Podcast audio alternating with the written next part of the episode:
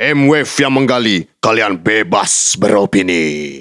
Halo, berjumpa lagi dengan saya Anto Arif dalam M-Wave uh, episode ke-65 bersama salah seorang penyanyi uh, singer-songwriter nih yang uh, sekarang menetap di Belanda ya.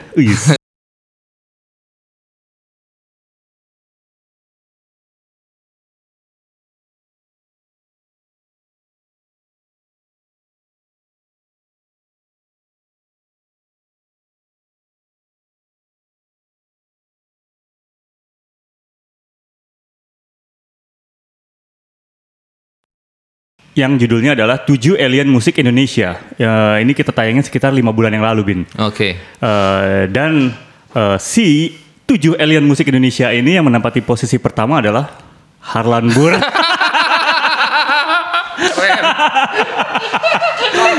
Iya, Oh, gue harus dengar, harus dengar. Lo harus dengar. Jadi gitu. Nah, ini buat para pendengar ya. Jadi eh, bintang tamu kita hari ini adalah Harlan Bur. Toh. Tujuh alien ya. 7 Alien Musik Indonesia. Keren, keren. Ya, Oke, jadi jadi gini, jadi buat para pendengar ya, eh, ini eh, kita milih Bin bukan tanpa alasan karena eh, singer songwriter ini emang punya apa ya cara yang unik dalam berkarya. Jadi emang lagunya simple, liriknya juga kayak apa ya istilahnya ya, canggung mungkin ya, canggung canggung dan ajaib gitu ya. Terus chord-chordnya juga eh, sebenarnya chord-chord kayak apa G C D A D gitu ya, kayak Iya. chord-chord punk atau Iya. folk-folk gitu ya Iya, iya, iya.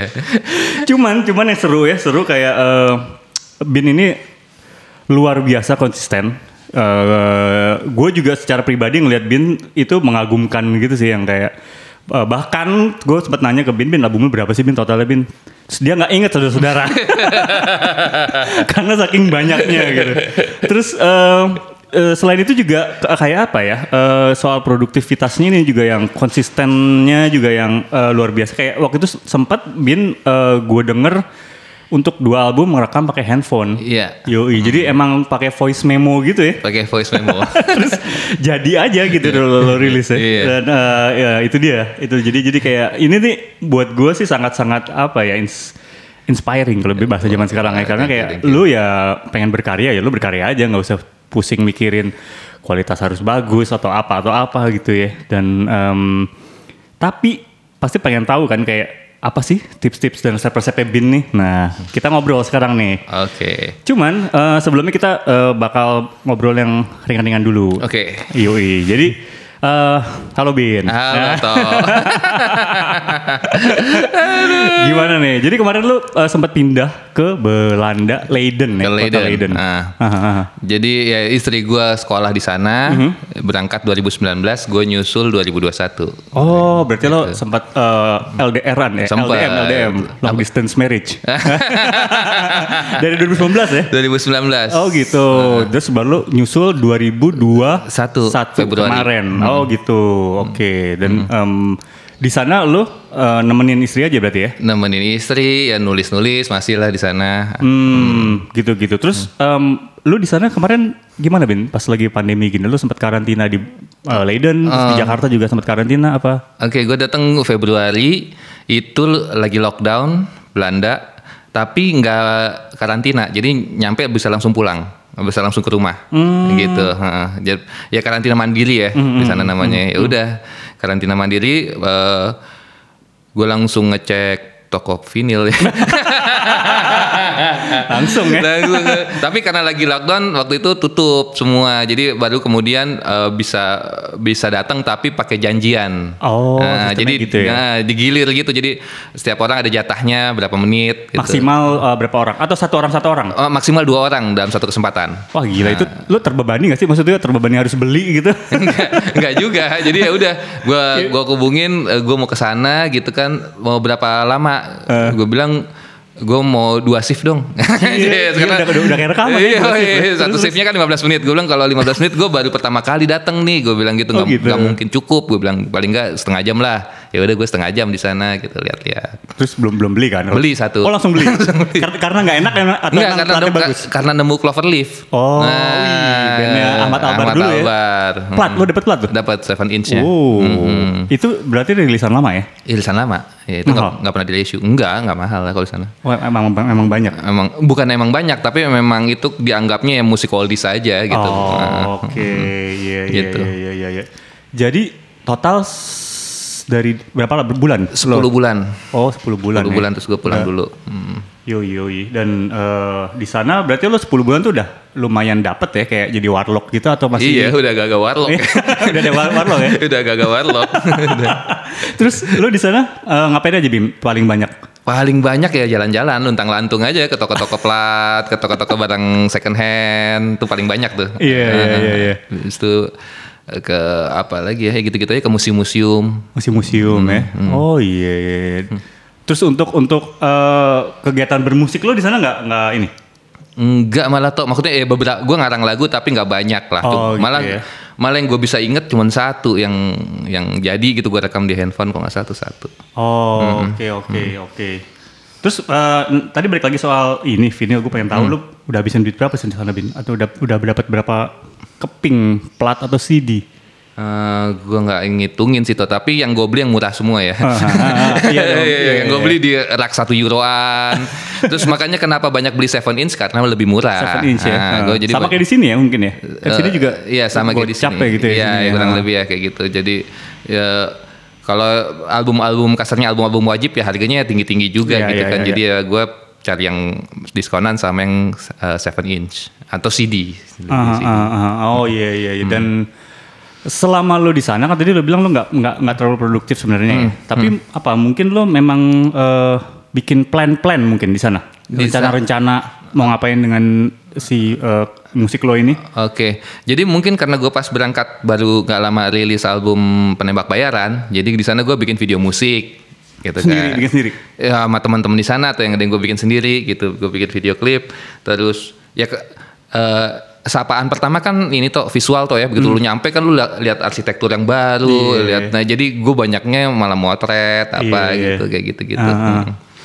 Jadi lo di sana lebih banyak eh, produksi video musik gitu. Video bikin video musik dua biji kalau nggak salah, apa tiga biji. Gitu. Hmm. Karena yang kita tahu kan pas lo balik ke sini tiba-tiba lo rilis uh, plat iya, kan kayak iya. apa sih kompila- kompilasi ya? Iya, kompilasi. Nah, itu berarti semenjak kapan rencananya? Jadi sebelum gue berangkat, sebelum Oh, gue berangkat gitu. itu Udah ada lama ya? Ah, ada namanya Andre, dia nge DM gue, oh gue suka musik lo nih, gitu kan, terus gue pengen ngerilis vinyl dong lagu-lagu lo, terutama yang era awal, Hmm, gitu ya udah akhirnya diproduksi lah. Jadi eh, pas gue cabut, ya itu lagi produksi itu dia. Oh gitu. gitu. Oke, ya gue pikir lo kayak pasti Belanda terus lo kayak ngulik-ngulik karena nggak ngapa-ngapain terus Oh, enggak, dapet enggak gitu ya. Enggak. Niat banget ya. Enggak, dia yang itu. Tapi eh, gini Bin, boleh diceritain sedikit ke judulnya apa, terus lagunya apa buat pendengar Oke. M-Wave yang belum tahu. Judul albumnya Kiri Kanan. Mhm. Itu isinya ada 15 lagu pilihan dari era EP Sakit Generik sampai album Bila Lapar Melukis. Hmm. Jadi re- rentangnya itu 2012-2018. Rentangnya itu lagu-lagu itu. Dipilihlah sama si Andre ini gitu. Hmm. Kenapa tentang itu yang dipilih? Karena si Andre ini eh, dia kan udah- sudah dengar kan kayak CD-CD gue, album-album gue, tapi justru di di rilisan-rilisan pertama gue dia mungkin nggak punya kali ya, mungkin ya, dia- dia- karena karena udah pada out of print semua kan EP-EP itu, jadi dia karena dia suka dia pengen, eh, gue sekalian bikin jadi vinyl deh lagu-lagu dari era itu gitu. Jadi fokus utamanya sebenarnya dari era itu, tapi kemudian eh, ya udah deh ditambahin deh karena dia juga suka juga beberapa lagu yang era kemudian, jadi ditambahin deh ada lagu-lagu ini gitu. Nah, ada Oke. lagu- Si Andre ini siapa sih? Andre Andre ini sebenarnya Bin? Orang suka musik aja toh. Oh, iya? Orang suka musik aja. Bagian dari teman-teman Bukan. anak-anak? bukan. Bukan. Oh. Jadi ya, ya dia beli dia beli rilisan anak-anak beli. Oh, Nah, gitu. Orang suka musik aja. Oh, orang suka gitu. musik tapi kemudian pengen ah gue pengen bikin ah gitu. Nah, gitu. Ya dia DM lah gue. Gitu. Apakah lo orang pertama yang dia bikinin? Ya. Uis, serius? Iya benar. Berarti dia apa penggemar berat? Emang ngefans sama lo? Mungkin Atau- bukan cuman gua, mungkin bukan cuman gua, tapi Ah. mungkin karena ya itu tadi mungkin karena rilisan-rilisan gua out of print, mungkin jadi dia malah jadi terpikir gue bikin deh, Aha. gitu. Iya iya iya. iya. Dan eh, reaksi lo sendiri gimana bin? Waktu tahu ada orang mau eh, ngerilis lagu-lagu lo dalam bentuk paling eh, apa paling mahakarya piringan hitam gila. Iya, iya, iya. Jadi- gimana lu bin? Ya gue ya seneng lah, ya gue seneng gitu kan. Eh, kaget nggak kayak anjing kok ada yang mau sih? Atau sebenarnya sih sebenarnya sih kalau dalam konteks musik gua kayaknya tuh itu emang selalu kayak begitu sih toh. Ah. kayaknya selalu maksudnya eh gue sadar ini bukan mes tapi selalu selalu ada teman-teman yang eh gue gue cetakin kaset lo dong gue Ah, cetakin oke. itu emang ada cuman ya ya udah ini kali ini feelingan hitam gitu. Oh gitu.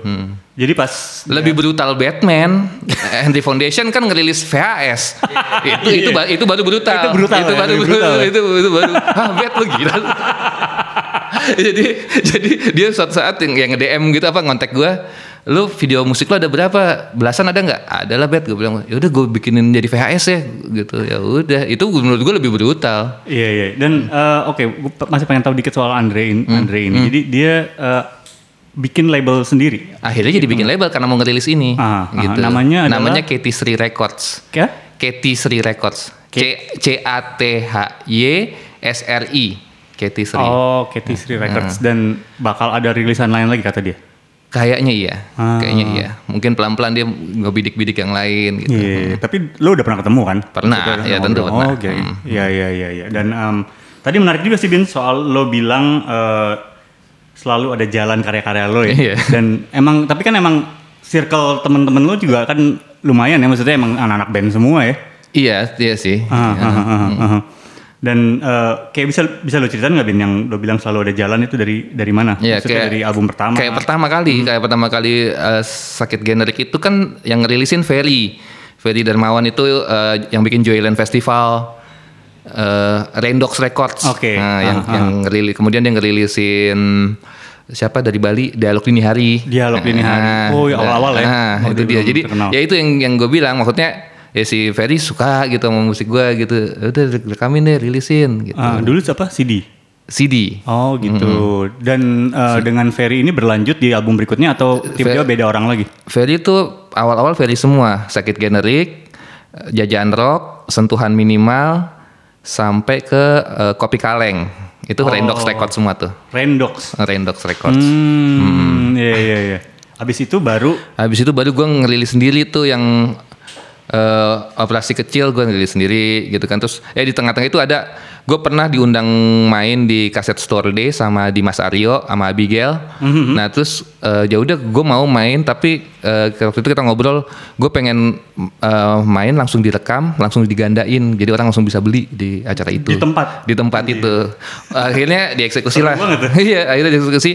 Walaupun eksekusinya akhirnya gagal sih. Maksudnya gagal eh, butuh waktu dari kan eh, eh, kopi tip deck gitu ya, kayak kayak tip ke tip gitu ya. Itu butuh waktu sementara orang kan ngantri kan mau beli kan. Jadi eh, kewalahan akhirnya jadinya ya na- ngedrop nama nanti dikirim kasetnya Oh, gitu. gitu ya. Tapi ide awalnya seharusnya tuh gue main direkam langsung digandain langsung bisa dibeli ide awalnya mungkin itu. tapi kurang banyak kali ya. di awal-awal. Iya, emang iya, emang iya. Dulu yang bantuin si eh, komeng-komeng tuh nggak lo temannya Vanko tuh ada. Oh, iya. Ah, ya, Nurik. Mungkin dia kewalahan juga kali maksudnya.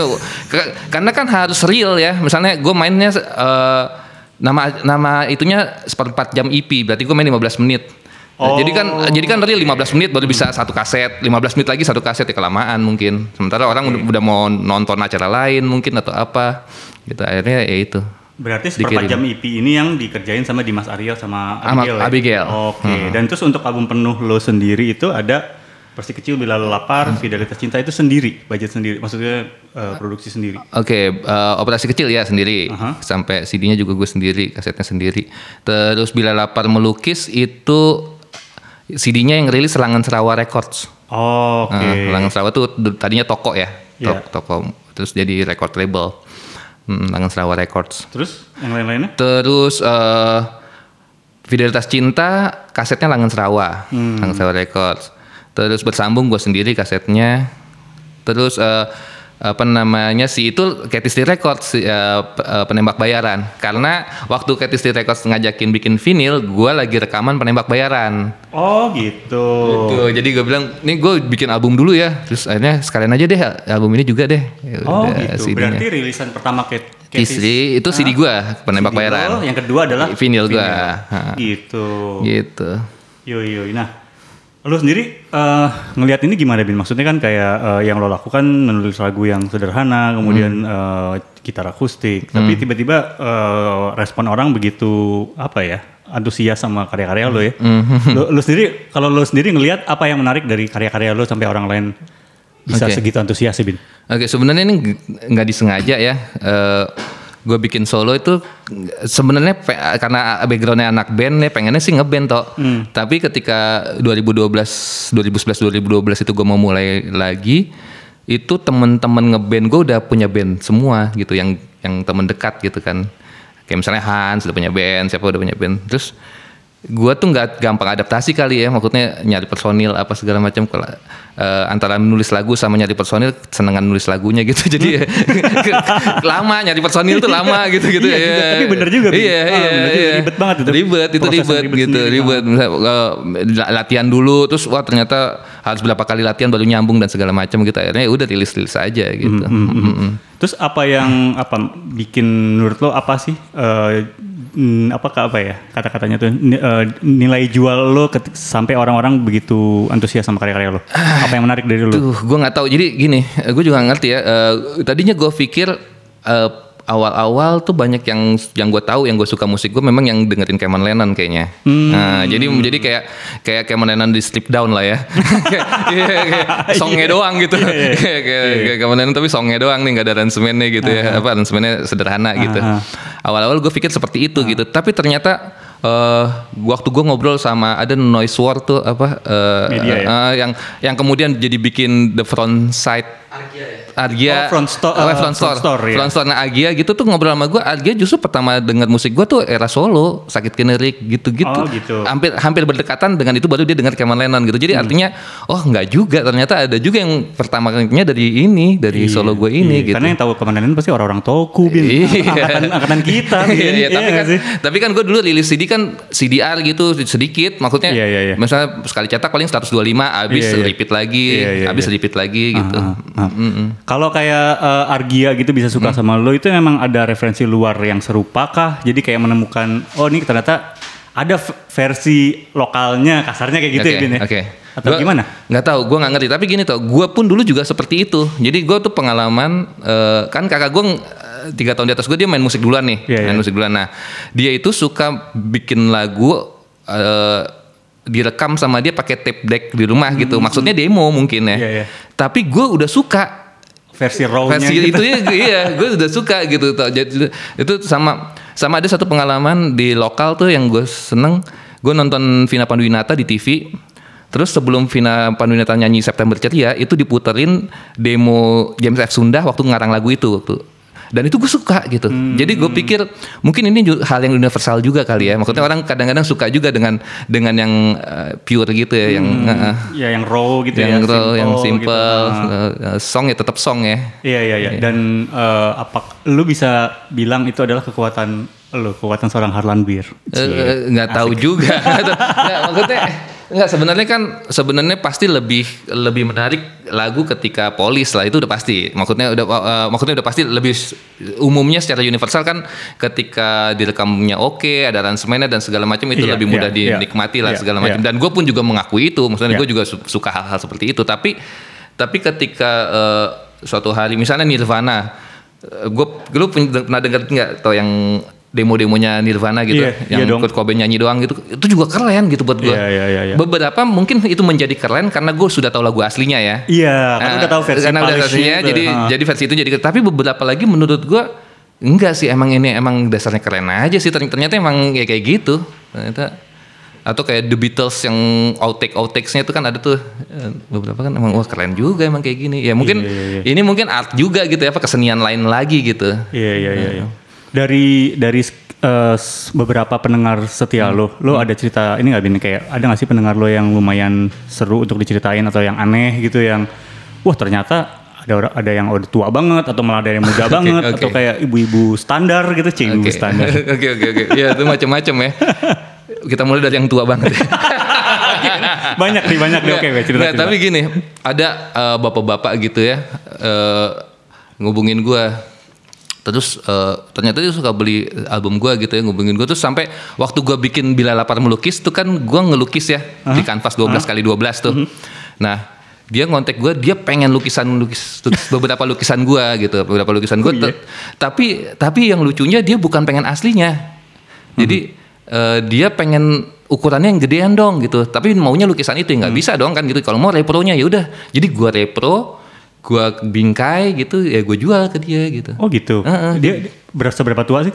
Ya bapak-bapak 60 tahunan progressive rock lah. Oh iya. Iya, iya, oh tapi iya. dia memang suka musik ya? Suka musik. Pasti Oh. kebanyakan pasti suka musik sih toh. Kalau kalau dengan musik gue pasti suka musik lah. Oh, oke. Pasti kayaknya kebanyakan ya pasti suka musik. Jadi Gima- kayak, Ah, ya ah. kayak gitu dia dia beli dia beli artwork artwork gua ah. gitu.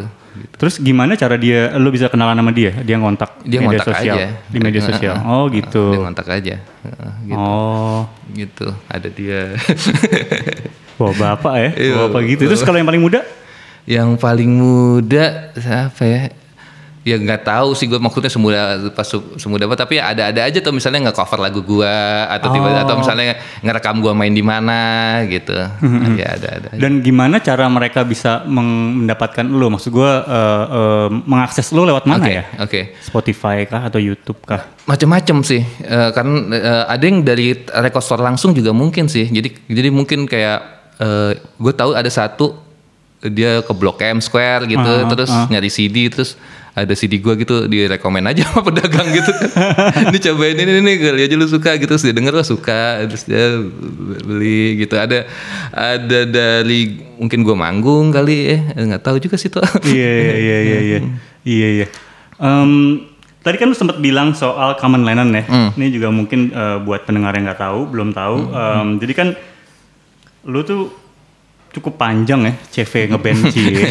ya umurnya juga segini. Umurnya juga segini. Nggak spesial juga. Iya, iya. kayak eh, mungkin teman-teman eh, belum tahu kalau Bin tuh udah ngeband dari tahun Ya kalau Sembilan- 90-an lah ya. 99 eh, Kalau kalau yang pertama kali intens mungkin waktu sama Rumfi ya. Rumfi ya, yang ini cover, cover The Cure. ya, Ah, spesialis ya. ah, Aha, ah, Oke. Di situ lo, eh, kemu- lo nyanyi? Main ya? bass. Oh lo main bass, Main bukan bass. nyanyi ya? Enggak. Nyanyi siapa ya gitu ya? Bagus namanya. Oke. Ah, ah. Terus band berikutnya adalah Abis itu di upstairs di upstairs lo main main keyboard. main keyboard ya. Nah, Dari bass ke keyboard lumayan. Ini si Bin ya. Ya, tapi kan keyboard yang dibutuhkan juga waktu itu nggak banyak ya kan ada Hans yang main keyboard beneran. Gue Oh, gitu. ya, jadi gue sebenarnya jadi personil di Upstairs karena teknologi. Oh, iya, Ya, jadi iya. karena kan dulu kan mau pakai synthesizer bass gitu kan yang dung deng dung deng dung deng tapi karena belum bisa bikin program jadi ada pemain aslinya gitu. Jadi gue yang main itu gitu. Oh, oke oke. Dan eh, Rumfi eh, ini apa kayak band yang lumayan bisa dibilang udah jadwal manggung. Oh iya, maksudnya Iya, udah manggung-manggung sering ya. Iya, itu yang Upstairs juga berarti upstairs era era antah berantah. antah berantah. Antah berantah. Oke. Kalau Matraman gue rekamannya doang. Pas udah rilis gue udah nggak ada. Oh, Oke, terus juga yang paling itu abis itu apa? Kayak mana? Kamen Lennon. Nah, ini Kamen Lennon lo adalah posisinya sebagai vokalis, Vokalis. ya. Heeh. Iya, itu itu gimana ceritanya Bin dari basis, keyboardis terus jadi vokalis? Emang lu peras- merasa, eh gue kayaknya bisa nyanyi nih atau gue bisa nulis lirik nih, gue jadi vokalis ah?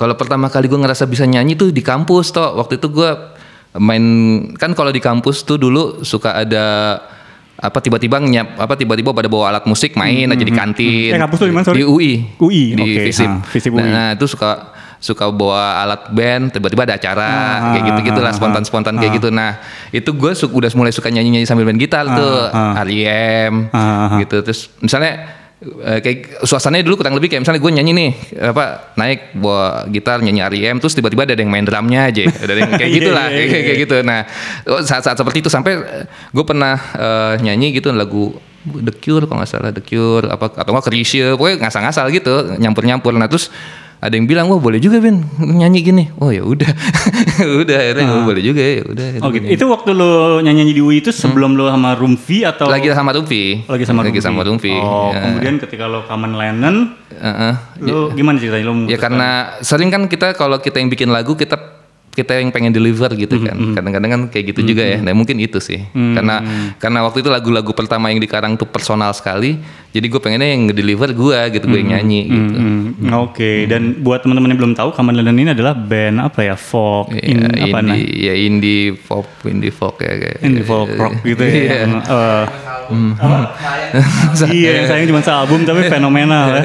Da, lagunya ada salah satu lagunya yang judulnya eh, Aku Cinta eh apa? Aku jadi Jakarta. Aku Cinta Jakarta ya, yang yang kayak udah jadi kayak tim song buat Jakarta pada saat itu ya.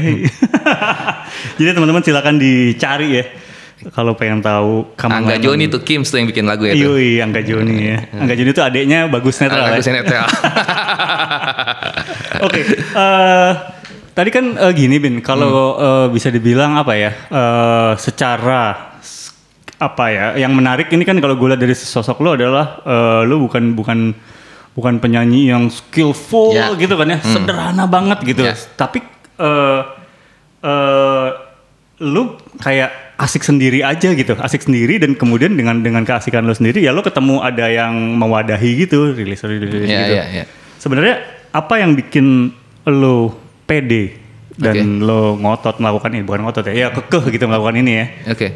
Yang bik- yang bikin pede karena underground sih sebenarnya toh. Karena Hmm. karena berangkatnya dari situ. Gua rasa kalau berangkatnya dari idol atau apa pasti udah nggak pede lah. Iya, iya, iya, iya. Iya, karena Iya, iya. karena berangkatnya dari underground eh, dari dulu juga ini bukan apa kit- apa eh, kalau buat gue ya eh, ini bukan komersial thing lah gitu. Hmm, ini ini emang asik sendiri gitu. Jadi eh, misalnya dulu misalnya apa ya kayak lu beli kaset-kaset anak-anak deh kayak beli beli kaset Betrayer gitu pasukan apa eh, Grand Voice Society itu kan nggak ada di toko kaset gitu. Tapi lu beli ya lu dengerin sendiri ya temen-temen apa sin lu doang gitu atau beli tengkorak gitu beli apa terus sampai kemudian apa dan Begitupun yang akhirnya eh, rilis sama major label, tapi musiknya musik kita lah katakan gitu ya kayak rumah sakit dan segala macam gitu. Jadi emang lahir dari situ sehingga eh, dan dari punk juga ya, Hmm, ya gitu kan karena buat gue punk kan mengajarkan individualistis ya, jadi jadi Hmm, Semangatnya ya, maksudnya iya, ya, nah, semangatnya, oke. semangatnya individualistis jadi nggak peduli sama sekali dengan dengan standar standar industri gitu. Hmm, Jadi ya itu yang bikin Oh gitu ya. etos itu sih. Hmm, hmm, hmm, hmm. Dan emang apa namanya? tapi lo pernah sempat ngerasa kayak down atau kayak ah gila nih gue cuma segini-gini aja kok kok bisa ada yang ini ya gitu ya kok bisa aja ada jalannya terus atau gimana gitu ya ngeliat apalagi ngeliat teman-teman yang lain mungkin atau asik-asik aja. Hajar-hajar aja apa emang be- gua buat gue sih beberapa memang beberapa musik dan beberapa musisi emang tempatnya di situ gitu ya. Oke. Ya, misalnya misalnya ya kayak Daniel Johnson misalnya gitu atau atau bahkan eh, band-band yang mungkin punya usaha untuk jadi lebih besar atau apa pun tapi nggak pernah juga gitu. Kayak misalnya Ramones gitu kan. Ramones kan selalu nggak bisa jadi Blandi gitu. Misalnya kayak gitu atau eh, Sonic Youth yang nggak pernah bisa jadi Nirvana gitu. Walaupun walaupun udah masuk major label kayak udah ada di MTV kayak video klipnya tetap aja ya barangnya beda kayak gitu. Dan, dan buat gue sih emang ya emang di situ tempatnya gitu. Iya ya berarti memang ada apa pengaruh dari influence dari uh, band-band yang lo dengerin juga ya bahwa oh ternyata memang bisa sih seperti ini melakukan ini bisa-bisa aja bisa gitu bisa ya. aja. Aha, Bahkan dari kalau buat gue top uh, influence pengen rekaman itu pertama kali waktu Pure Saturday rilis. Oh Nah, gitu. Itu pertama kali gue bukan pengen ngeband tapi gue pengen punya album itu Pure Saturday. Kenapa apa apa yang lo rasakan waktu dengerin Pure Saturday pertama kali? Iya, jadi kan karena suka musik kan pengen ngeband lah ya, pengen punya band, tapi nggak terpikir untuk rekaman, pengennya emang cover-cover aja. Nah, ketika Pure Saturday rilis, itu kayak semuanya kayak buat gue lah, maksudnya musiknya, terus eh, kan suara kan nyanyinya bukan yang Indah, merdu Ah, gitu ya. gitu. Iya, iya. Juga bukan yang melengking atau apa gitu Iya, iya, gitu. iya, iya, Nah, iya, iya. Jadi eh, semuanya kayak buat gue lah. Terus sampai video klipnya kayak gitu gitu kan yang nggak jelas gitu. Dan- sempet di band dulu di TV Iya, itu. da- dan waktu itu tau menurut gue banyak yang nggak suka Pure Saturday sebenarnya Iya, gitu iya, yang iya. yang ini apaan kayak gini dirilis gitu iya sebenarnya apa gue belakangan mah sering pernah dengar lah cerita-cerita gue dulu tuh Sat- beli kaset Pure Saturday gue buang saking suaranya di bawah gitu kan Iya, apa iya. kayak gitu kayak gitu gitulah Iya. ya nah, nah, eh, waktu gue pertama dengar Pure Saturday itu gue pengen rekam gitu Gua- Iya. dan dan secara umur mungkin deket toh maksudnya Ah. paling mereka dua tahun di atas gue jadi Jadi kayak mewakili. kayak mewakili Ah, kayak mewakili iya. gue gitu gitu Iya iya iya iya. Jadi buat gue pas band mungkin pembukanya, Pupen mungkin apa gitu ya, tapi Pure Saturday kalau buat Iya, gue. bisa Yang dibilang kena ada- banget di gue. Bisa dibilang ada semangat perlawanan juga kali ya. Sangat, menurut Sangat gue ya? paling rebel dia kalau buat gue. Pure Saturday. Pure Saturday buat gue karena karena bukan musik keras itu ju- itu lebih itu lebih rebel gitu Yes, bukan yes, musik yes. keras tapi underground tuh lebih susah men Iya gitu. iya iya iya iya iya iya iya iya oke. Hmm. Eh, oh ngomong-ngomong lu udah lu harus dengerin eh, band barunya Suar namanya Suar. oh dengar Yang album full fullnya udah tahu Oh, belum. Dia baru rilis. Oke. Dan itu menarik banget Gua satu album. Single-singlenya sih ngikutin. Iya iya dia baru rilis eh, minggu lalu gitu. Oke, Menarik nih satu album oke, Ntar lah. siap, Kita ngobrol siap. sambil nongkrong. Siap. Oke, terus lanjut lagi. Hmm. Eh, eh, tadi kan apa ya kita ngobrol-ngobrol lu total tuh karya lu tuh ada 6, eh, 19 ya. Kalau Oh, total 19 total. rilisan ya? 19 rilisan ya. Nah, ada ada, kompilas- single, ada single, kompilasi, ada split album. Bisa dibilang kan itu sangat produktif ya. Hampir tiap tahun lo Hmm. lepas rilisan baru. Gimana sih lo cara ngejaga konsistensi itu? Apakah lo punya bank lagu? Apakah lo punya Oke. plan besar yang lo gambar di rumah gitu bahwa Oke. tahun ini harus apa apa apa Oke. gitu? Oke. Ambisius itu kah? Sebenarnya nggak gua jaga, nggak gua jaga. Ya buktinya waktu gua di Leiden gua nggak rekaman karena nggak pengen Ah. gitu. Jadi karena keping emang sejauh se- sebesar itu kepinginnya toh. Ah, Jadi eh, jadi pertama-tama itu kan yang waktu sakit generik itu itu sebenarnya gua rekamannya udah 8 lagu tapi gua mau jadiin album ah nggak enak ah jadi EP aja. Jadi jadilah dua EP gitu. Jadi eh, kemudian ya gua apa ya toh ya eh, seneng sih ngarang lagu sih. M- mungkin paling ya? paling mudah buat gue berekspresi itu kali. Eh, dibanding nulis diary atau apa gitu ya mungkin gue lebih mal lebih ada rasanya gimana gitu. Eh, mungkin kan ada orang yang sukanya bikin jurnal ada orang yang sukanya gambar doodling doodling atau apa gitu ya kalau gue bikin lagu itu aja sih sebenarnya bedanya gue edarin itu aja iya, berarti ada ada sisi apa ya sisi sisi artistik itu yang emang lo harus lo keluarin ya. Kalau Iya. enggak lo mungkin nggak nyaman atau bisa stres apa gimana gitu iya kali ya. iya itu nggak ada yang by design sih emang pengen aja Ngalir aja ya Ngalir semuanya ya. ngalir aja heeh. Ya, berarti super produktif itu juga ya mengalir aja. ya? ngalir aja. Kalau lagi nggak bikin ya nggak bikin toh. gitu. Oh gitu ya. Eh, tapi kalau lagi bikin emang kayak misalnya ha- ha- per hari ini nih misalnya di handphone gue masih ada 20-an lagu kali. Oh gitu. Eh, eh, yang bisa aja gue aransemen terus gue rekam bisa aja gitu. tapi tapi per hari ini tapi berbulan-bulan belakangan ini juga gue nggak bikin lagu gitu karena lagi nggak lagi nggak pengen bikin lagu gitu. Oh, oke. Eh, gitu. Berarti sosok Bin itu adalah sesantai itu, serileks itu ya. Iya. Nggak nggak nge- maksudnya ya dengan yang karyanya udah banyak segala macam itu sehari harinya lo adalah sosok yang rileks aja gitu ya. Iya. Ngalir. Heeh, heeh. Karena buat gua apa ya ke kalau pakai patokan industri eh, jadi nggak seru lagi gitu tuh maksudnya rilis album yang cocok misalnya per berapa tahun atau per apa yang kayak gitu-gitu ya itu enggak jadi nggak seru lagi karena gue pengennya kayak gini ya kayak gini gitu. Oh iya iya iya. Yo, yo. Dan gue juga nggak banyak manggung kan, jarang kan orang, ngundang gue manggung jadi jadi gue punya banyak energi buat rekaman gitu. Mungkin ada band lagi yang ada musisi teman-teman seniman musisi yang lagunya banyak toh, tapi karena sering manggung ya nggak sempet dia ngerilis gitu. Oke. Lo jarang manggung kan eh, kalau buat musisi lain kan sebenarnya manggung tuh ladang pemasukan ya. Nah, ini sekarang Oke, gue ini boleh penting. nggak pengen tahu Boleh soal, soal Ah. pemasukan lo sebagai musisi gimana, Bin? Ya itu waktu gue memulai eh, j- ngerilis-ngerilis itu, Hah? itu kan gue ngantor tuh toh Oke. Nah, di agency 2012 itu. Jadi emang emang gue desain juga sebagai hobi sih toh.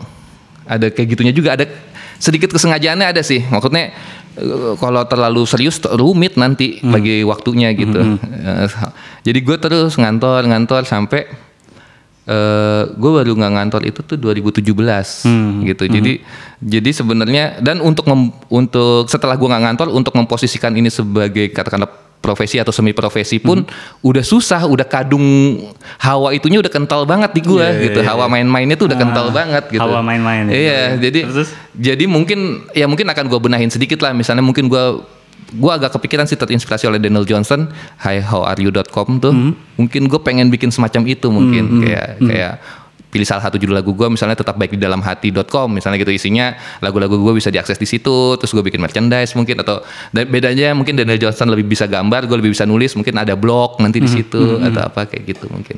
Oke, terus berarti Bin eh, sebagai lo rilis solo-solo ini da- dari tahun berapa? 2012 dari du- 2012 tuh pertama kali lo rilis solo ini ya. Sampai sekarang ada signifikan income gitu nggak Bin dari situ Bin? Atau malah lo puterin lagi buat Iya. rekaman lagi rekaman lagi gitu ya? iya, Iya. iya, hampir nggak ada signifikan income sih karena ya kan eh, ham- mostly kan gue dari fisik ya, Iya, iya. karena di, karena digital gue payah lah. Iya, iya, iya. gue gue sampai nggak tahu reportnya karena dan gue nggak perlu juga gue minta reportnya sih orang yang dengar semua segitu. Iya, iya, Kan? iya, jadi iya, iya. jadi mostly dari fisikal gue, Ah, dari merchandise atau dari CD dari apa gitu. Ya itu karena dibikinannya dikit-dikit ya pasti ya royaltinya juga dikit-dikit Iya, gitu iya, kan. iya, ya keba- yang kebanyakan gue pakai buat sewa studio malah gitu. Dan yang memanage income dari fisik itu lo sendiri atau lo punya tim? Hmm, nggak ada gue sendiri aja. Jadi semuanya lo sendiri ya? Gila lo. ya kalau ada manajer kasihan manajernya Iya tau. sih, iya sih ya. Iya kan. Mendingan dia nge- nge-manage band yang bener lah gitu Iya, kan. iya. Tapi Bin, berarti di sisi- tadi kan lo bilang lo adalah sisi, eh, pribadi yang relax gitu kan, eh, mengalir. Tapi lo bisa segitu konsisten yang ngitungin duit masuk lo putar lagi, berarti lo lumayan detail ngurusin duit dong ya? Ya bagaimanapun kan maksudnya gue punya misalnya gue kan pernah jadi manajer efek rumah kaca misalnya. Jadi Oke. ya, ya, angin-angin industrinya tahu lah. Angin-angin industri. Iya angin-angin industrinya gue tahu lah gitu. Jadi Iya, iya, iya, jadi maksudnya kalau ngitung-ngitung bikin CD apa bukan bikin CD ngitung-ngitung ini royalti dapat segini terus gue sewa studio segini bisa lah Terus lo nabung gitu kan, Nabung, terus ma- dan makanya juga kadang-kadang gue eh, apa namanya ya termasuk ngerekam pakai handphone aja apa segala Hmm. macam ya karena karena nggak make sense toh kalau gue selalu pakai studio bagus untuk Iya, ngerekam iya, iya, ya, iya. heeh. Jadi emang itu ininya adalah ide aja ya, gimana ide-ide itu ide jadi itu sesuatu bisa yang- publish gitu. Ah, ah, Ah, ah, ah. ah. Jadi jadi misalnya kalau dipikir mungkin sedikit sedikit sedikit ada polanya sih. Ada misalnya misalnya bila lapar melukis lebih polis lah gue ke studio ngerekamnya apa kayak gitu. Tapi abis itu ya gue bikinnya fidelitas cinta yang pakai handphone ya kayak gitu lah. Nggak mungkin juga semuanya pakai master yang bagus atau apa gitu. Oke, Gitu. oke, yes, yes.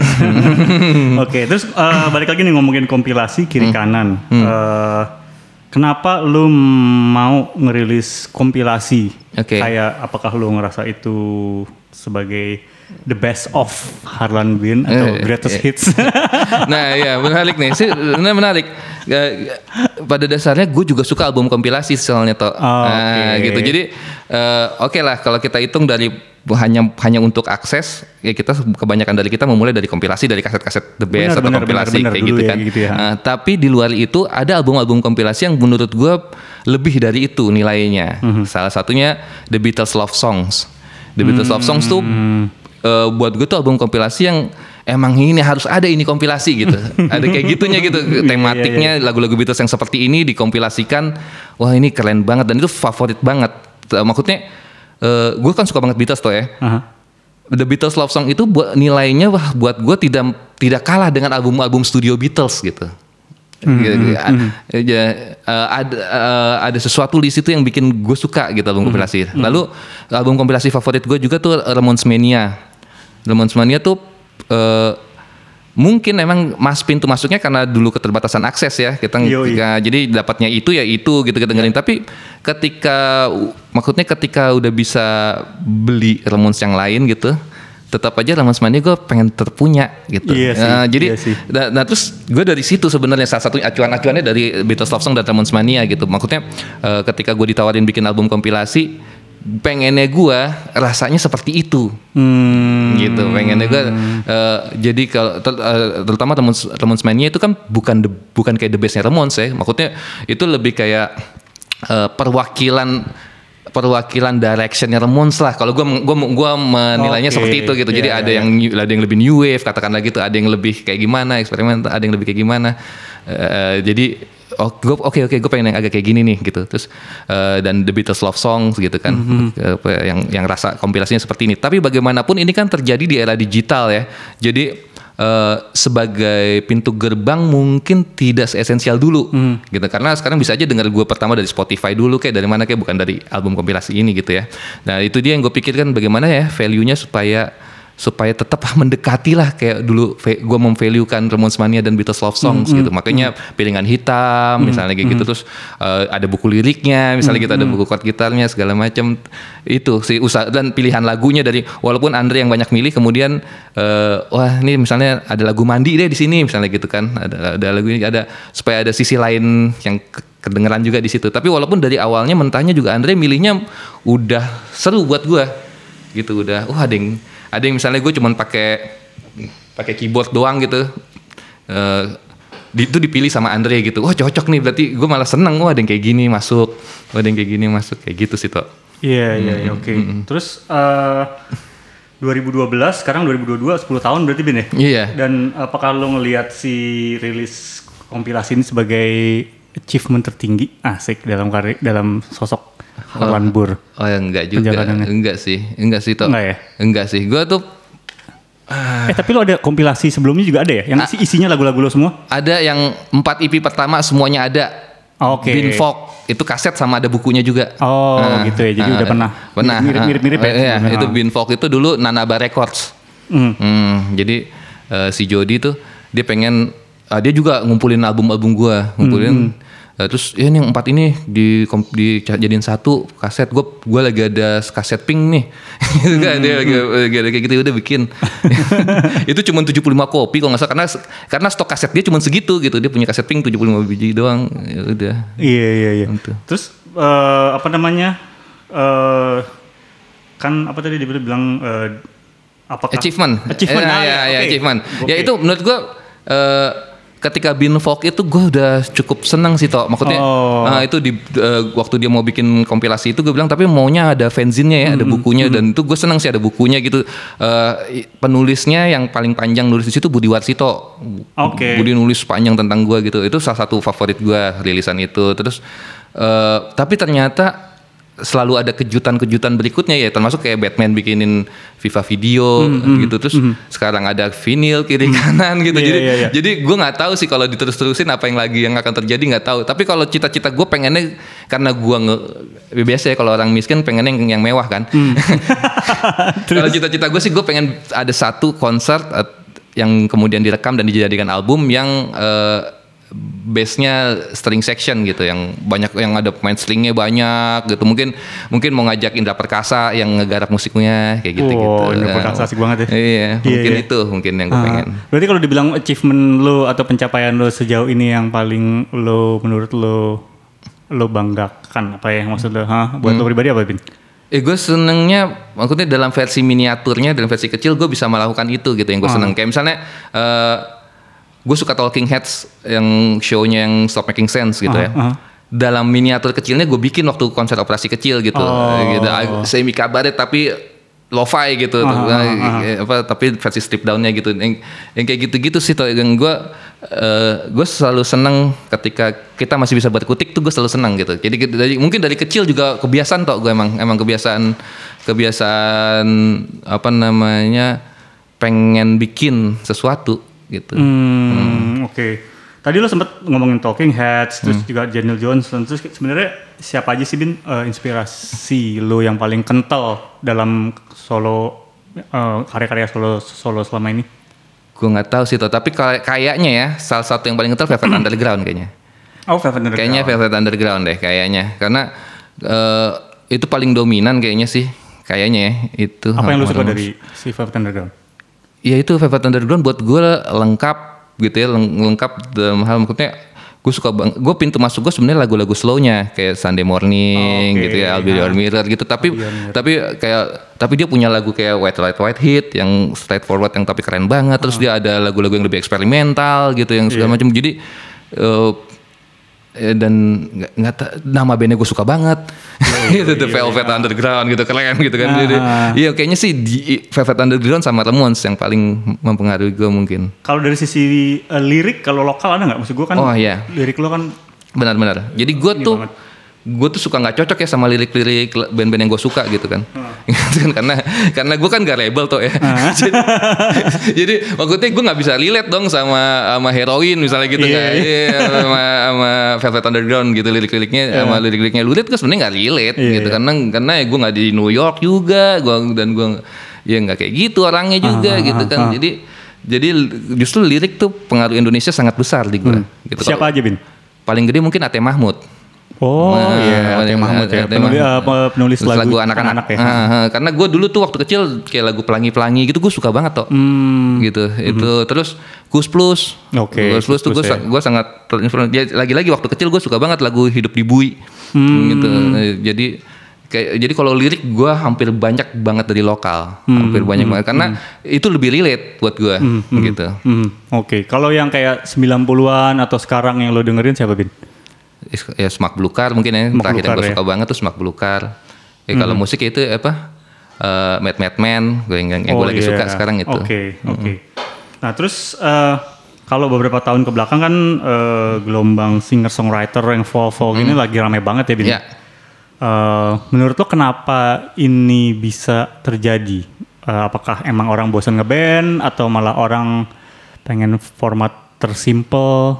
Kayaknya sih teknologi sih salah satunya juga Ah, ya. Maksudnya media untuk membagikannya udah lebih mudah. Sekarang kan media distribusi lebih mudah. Terus media membuatnya juga bi- bisa di rumah aja gitu kan Hmm. pakai komputer apa segala macam. Tapi pasti selalu ada orang-orang yang soulnya tuh di instrumen apa tradisional kayak gitar atau piano Hmm. gitu. Jadi makanya apa- lahirlah orang-orang seperti itu kalau menurut gua sih yang yang emang lebih lebih ngesoul kalau dia megang gitar gitu dibanding misalnya pakai pakai ke komputer gitu.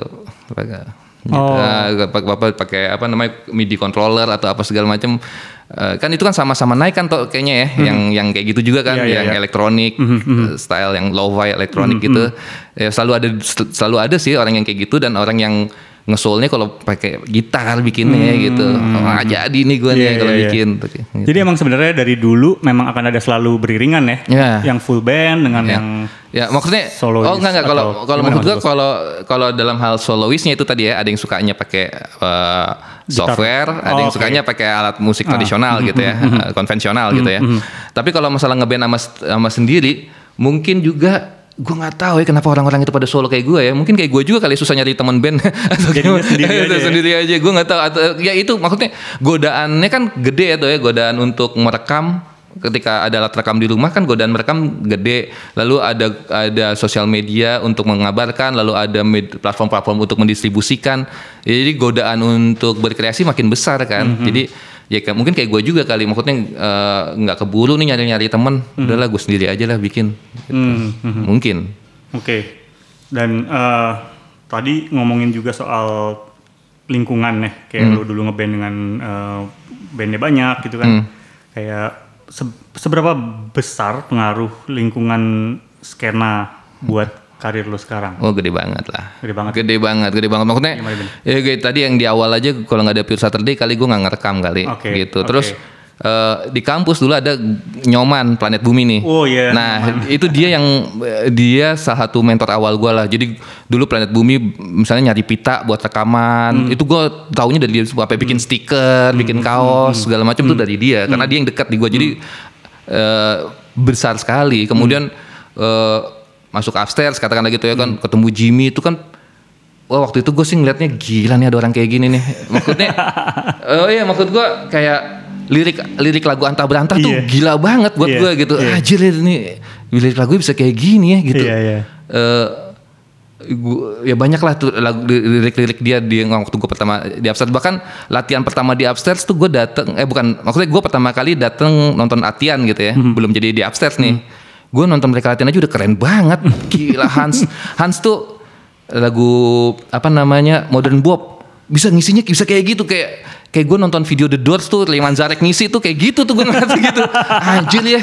Gila sih Hans mainnya bisa kayak gitu ya. Banyak lah banyak lah. Terus eh, bahkan di era rekaman Lennon tuh banyak banget. Maksudnya kayak kayak Hans habis nonton rekamannya sore kita lagi rekaman nih terus dia datang wah gue habis nonton rekamannya sore pakai beras gini akhirnya kita pakai beras juga iya jadi pengaruh mempengaruhinya tuh besar sekali Gitu. Eh Hans mana sih Hans? Andi Sabarudin Hans Oh dia main keyboard juga? di upstairs kan keyboard Oh dia dulu main keyboard. keyboard Oke. di upstairs gitu. Iya, iya, iya, iya. Buat itu yang- pakai Yamaha PSS yang kecil gitu toh. Tapi tapi bunyinya bisa begitu. Nah, oh, gila nih orang. Dia jago main keyboardnya ya. Yo jago deh. Dia dia semuanya bagus sih kayak- kayaknya kecuali drum ya. Kayaknya main bassnya bagus, main gitarnya Iya, bagus. iya, iya. iya. buat buat buat yang nggak tahu Hans itu sekarang bandnya Good Good Night Electric Electric. sama Seaside. Gila. Hah, apa? Seaside. Seaside, Ada ya? band shoegazingnya dia. Iya dan dia emang gitaris spesialis indie kayaknya Iya, ya. iya, Indie- iya. indie rock gitu ya. Bandnya banyak banget Bandnya gitu. Banyak ya. banget. Bandnya banyak banget. banget. Dulu apa, apa aja sih bandnya dia tuh Hans tuh? Aduh. Wah, kayaknya semua pernah ya. Blossom Diary pernah. Blossom Diary. Eh, aduh ya upstairs, Good Night Electric sekarang ya terus apa lagi? ya? Banyak lah. Banyak Banyak. lah. Eh, di Adams juga kayaknya pernah ya. Kalau ganti-gantiin sih sering banget, Oh, iya. Eh, paling karena paling aman. Dia, Oh, iya, eh, iya. misalnya Mela lagi nggak bisa gitu kan White Shoes, tiba-tiba keyboardisnya Hans. Sal atau nggak Ale lagi nggak bisa tiba-tiba gitarisnya Hans. Gitu. Iya iya iya. Iya gitaris pengganti juga Iya, sering ya dia. Sering, sering. Oke, eh, juga eh, se- lu bisa kenal sama skena pada saat itu gimana ceritanya Bin? Ya, Oke. ter- Terutama kan pada saat itu kan yang menonjol banget di KJ ya. Oke oke ya jadi eh kalau scene ya. Gue sebenarnya kan bukan dari tongkrongan scene nih sebenarnya toh jadi suka musik aja gitu. Suka musik aja tapi bukan dari tongkrongan scene. nah mungkin pertama kali nongkrong tuh gara-gara hardcore. Gara-gara dulu kan kalau apa jadi gue diajak masuk band namanya Full of Shit. Oh ya gue belum cerita yang tadi. Nah, jadi eh, ada band namanya Full of Shit nih basisnya keluar eh, gitarisnya teman SMA gua masuklah gua di situ bawain si Coffee Talk waktu itu. Nah Itu nongkrong band pertama lo berarti bukan? bukan. Ada- Udah- itu udah udah ada Rumfi kalau nggak salah atau berdua Oh, hampir berdua. iya. dikit sebelumnya Rumfi duluan sedikit Oke, gitu. oke, oke. Nah, jadi nah udah itu nah itu nongkrong gitu kan nongkrong di Sleepy Jaya dulu tuh sama band-band lainnya gitu kan. Waktu itu era-era itu kan apa Step Forward terus ya era 96 lah ya. Kemudian apa eh, Straight Answer kayak gitu-gitu Mhm. Nah, itu di situ kenal Kubil. Hmm, Kubil upstairs. Kubil upstairs, Nah, gitaris ya? nah, waktu itu Kubil bandnya namanya Frontside. Mhm. Eh, di situ kenal. Jadi, nah suatu hari eh, tahun 9 sekitar 98, gue dikasih tahu ada teman namanya Jimmy. Jimmy itu bandnya dulu Secret Agent, band Hmm, hardcore gitu vokalisnya. Dia bilang, Kubil lagi band bikin band new wave tuh. Dia tahu gue suka new wave. Oh, Eh, oke. Dia ngomong lah ke gue, Kubil lagi bikin band new wave tuh sama anak-anak antiseptik. Nama bandnya Halusinasi. oh udah, gue kontak Kubil. Halusinasi. Terus? gue kontak, Bil gue ke rumah lu Bil nongkrong gitu kan. Halusinasi latihan gue datang gitu kan. Keren banget sih toh. Buat gue sih keren banget. Kayak Joy Division gitu musiknya. Keren banget. Eh gue bil nggak tahu kubil lagi apa tuh. Gelap tiba-tiba gelap. Itu cikal bakal upset sih menurut Iya, gue iya. gelap gitu. Udah akhirnya gue jadi jadi sering main sama kubil Ah, oke. gitu. Jadi ketika kubil bikin di upstairs gue jadi ngikut Oke, jadi itu Gitu. masuk ke jadi mainlah sama anak-anak KJ ya.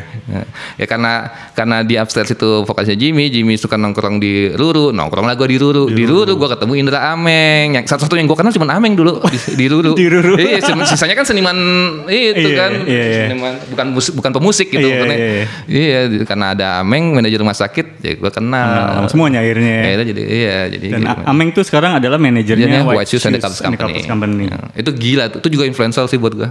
Iya ya. Iya, karena eh, waktu dia jadi manajer rumah sakit tuh menurut gue paling salah satu yang paling keren sih toh kayak Hmm. kayak eh, waktu nol derajat itu Album album nol derajat itu ya. eh, kedua Eh, album kedua, sorry, album oke. kedua rumah sakit itu kayak Ameng tuh kayak ngundang semua orang kali tuh waktu itu hmm. buat buat datang Ah. jadi bikin undangan jadi Satuan gitu. iya jadi kan Custom gitu ya. kan dulu kan belum ada sosmed kan Iya, ya jadi iya. kan un- undangan untuk Rumfi gitu kan Oh, tiap band, tiap band iya, diundang. kayak, kayak diundang diri gitu. Oh, itu keren banget sih buat gue anjir keren ini gitu Indra Ameng tuh mungkin kayak apa ya Andy Warholnya Iya, buat iya. underground kali ya dengan Iya. White Shoes. Oke Bin, eh, kita ngomongin lagi balik lagi ke ke lo sebagai solois ya. Hmm. Eh, dalam waktu dekat lo kan harus balik lagi ke Leiden ya. Istri eh, lanjut lagi Hmm. Lanjut. Hmm. sekolah. Gimana rencana bermusik lo? nggak punya rencana Gak ada ya? nggak punya rencana Oke deh. nggak punya rencana nggak punya rencana sih maksudnya gini eh eh, gua ya itu yang tadi gue bilang ya gue masih punya 20-an lagu di handphone Iya, mungkin ya, yang bisa gue pilih lah mungkin beberapa gitu untuk jadi album lagi tapi gue belum tahu kapan recordnya gitu terus mungkin juga gue di Leiden nanti manggung-manggung di record store gitu. Iya, Kayak- iya, kayak iya. gitu paling. Oh, atau gitu. atau bisa aja gue sama anak-anak situ bikin project. Gue sama sekali nggak tahu. Oh, jadi sama- belum ada apa. Tapi mungkin di kepala ada lah ya, in- uh, plan besar kayak ah gue pengen bikin apa apa gitu. Iya belum tahu karena karena gue pernah salah satunya yang kacau tuh ini tuh bikin album kompilasi di kantor gue dulu. Jadi kan gue pernah ke- di kantor digital agency tuh. Terus anak-anaknya banyak anak bandnya gitu. Terus lo bikinin Eh, kompilasi. lu yang bikinin. gue bikin album kompilasi minta duit sama bos gue. Dirilis Nam- namanya Think Think Tunes nama ada digital rilisnya ada. Itu situ gue bikinin lagu buat teman-teman kantor. itu terus ada yang duet, ada yang gue duet. temen-temen. Salah satunya ada yang gue suka, gue bikin lagu bareng Edo Walat. Edo yang nyanyi tapi di Oh sih, kompilasi. lo satu kantor sama itu. Nah, waktu itu ada Edo. Aduh itu ada Edo ada ada Tami. Oh, Tami. Ah, Tami Tris and the Wild apa ah, makanya gue salah satu lagu gue cekcok kan gue duet sama Tami karena waktu itu Tami baru masuk kantor gue Hmm. gitu. Yang ada aja. Jadi gue nggak tahu toh. Kayak gitu kan gue nggak ada rencana tuh. Tau ada Tami aja depan gue udah lah bikin duet lah. Kayak gitu. Oke, berarti kalau ngomongnya ditanya Bin, eh, sampai kapan lo akan bermusik? ah gue nggak tahu toh. Gue nggak tahu. Maksudnya eh ya apa- yang kayaknya sih ya terus terusan ya karena karena karena seneng. Tapi yang gue nggak tahu mungkin musiknya kayak gimana alat musiknya pakai apa itu mungkin gue nggak ya kayak misalnya eh, fidelitas cinta misalnya itu triggernya album itu triggernya gara-gara gue ada temen nih suka sama musik gue gitu ya. Terus dia punya drum machine gitu. Terus di ke- dipinjemin ke gua jadilah album Fidelitas Cinta itu gitu. Jadi karena gua a- kasih kan main main itu main ada drum machine terus eh, ya udah gue beli, beli temennya dong gue beli keyboard Casio apa gitu. Jadilah lagu-lagu kayak kayak batu ambulans yang lebih apa ya lebih eksperimental lah ya lebih ele- electronic bass instrumental terus ada free jazznya gitu. Dan waktu itu gue juga lagi banyak dengerin jazz gitu jadi jadinya kayak gitu gitu lagunya. Ya, kayak gitu toh. jadi nggak pernah tahu gue Iya, iya, iya. Tapi bisa dibilang gini gak sih Bin kalau dari semua yang lo lakukan selama ini 10 tahun tuh sekarang tuh kayak apa buahnya gitu mungkin ya. Maksudnya bukan buah. Jadi lo bikin karya, bikin karya, bikin karya nyampe ke mana, nyampe ke mana dan efeknya itu tiba-tiba kembali ke lo dalam bentuk ya lo dipinjemin drum mesin atau tiba-tiba ada yang rilis. Iya, iya. Bisa dibilang kayak gitu ya? Iya, toh maksudnya gue pernah aduh ini sih nggak apa-apa ya mungkin ya kayak gua main di tempat Endah nih di Ear House. Ah, ah. Terus gue dikasih gitar akustik Yamaha gitu sama Endah gitu. Oh iya? walaupun ini gitar-gitar gitu aja. Ah. Gitar akustik Yamaha gue gue lagi nggak ada gitar nih dah gitu kan gue mau nyari gitar apa ya gitu buat gitaran di rumah gitu. Gue dikasih malah main dan gue ada gue ada gitar nih gitu. Ya gue bikinin lagu lagi jadinya ada di album penembak bayaran tuh gue bikin lagu pakai gitar Full akustik. pakai gitar Endah Enggak, enggak full tapi ada satu lagu yang gue pakai itu Oh, gitu. Kayak gitu-gitu lah toh. Jadi Iya, nggak pernah iya, iya. tahu. Iya iya iya iya iya iya. Oke. Oke, terus eh, ini pertanyaan terakhir ya. Jadi kayak lo bisa ngasih apa ya tips nggak Bin Hmm. untuk bisa produktif terus kayak lo gitu ya. Dan kayak sekarang lo bisa dibilang sudah menemukan pasar lo kan sebenarnya ya pendengar lo. Oke, oke. Aha, Oke. Buat musisi-musisi muda atau yang baru mau nyoba. Oke, menurut gue ya pro- produktif tuh sangat gampang kalau lu terkenal atau laku. Itu gampang. Produktif. Kalau lu kalau lu berhasil Aha. itu gampang. Aha. Karena otomatis dip- dipanggil manggung, otomatis lu jadi pun jadi ngerilis lagu, otomatis lu bisa bikin album dan segala macam. Ah. Tapi yang paling yang belum tentu bisa produktif kan kalau lu nggak terkenal kayak Iya, gua-gua iya. gini nih.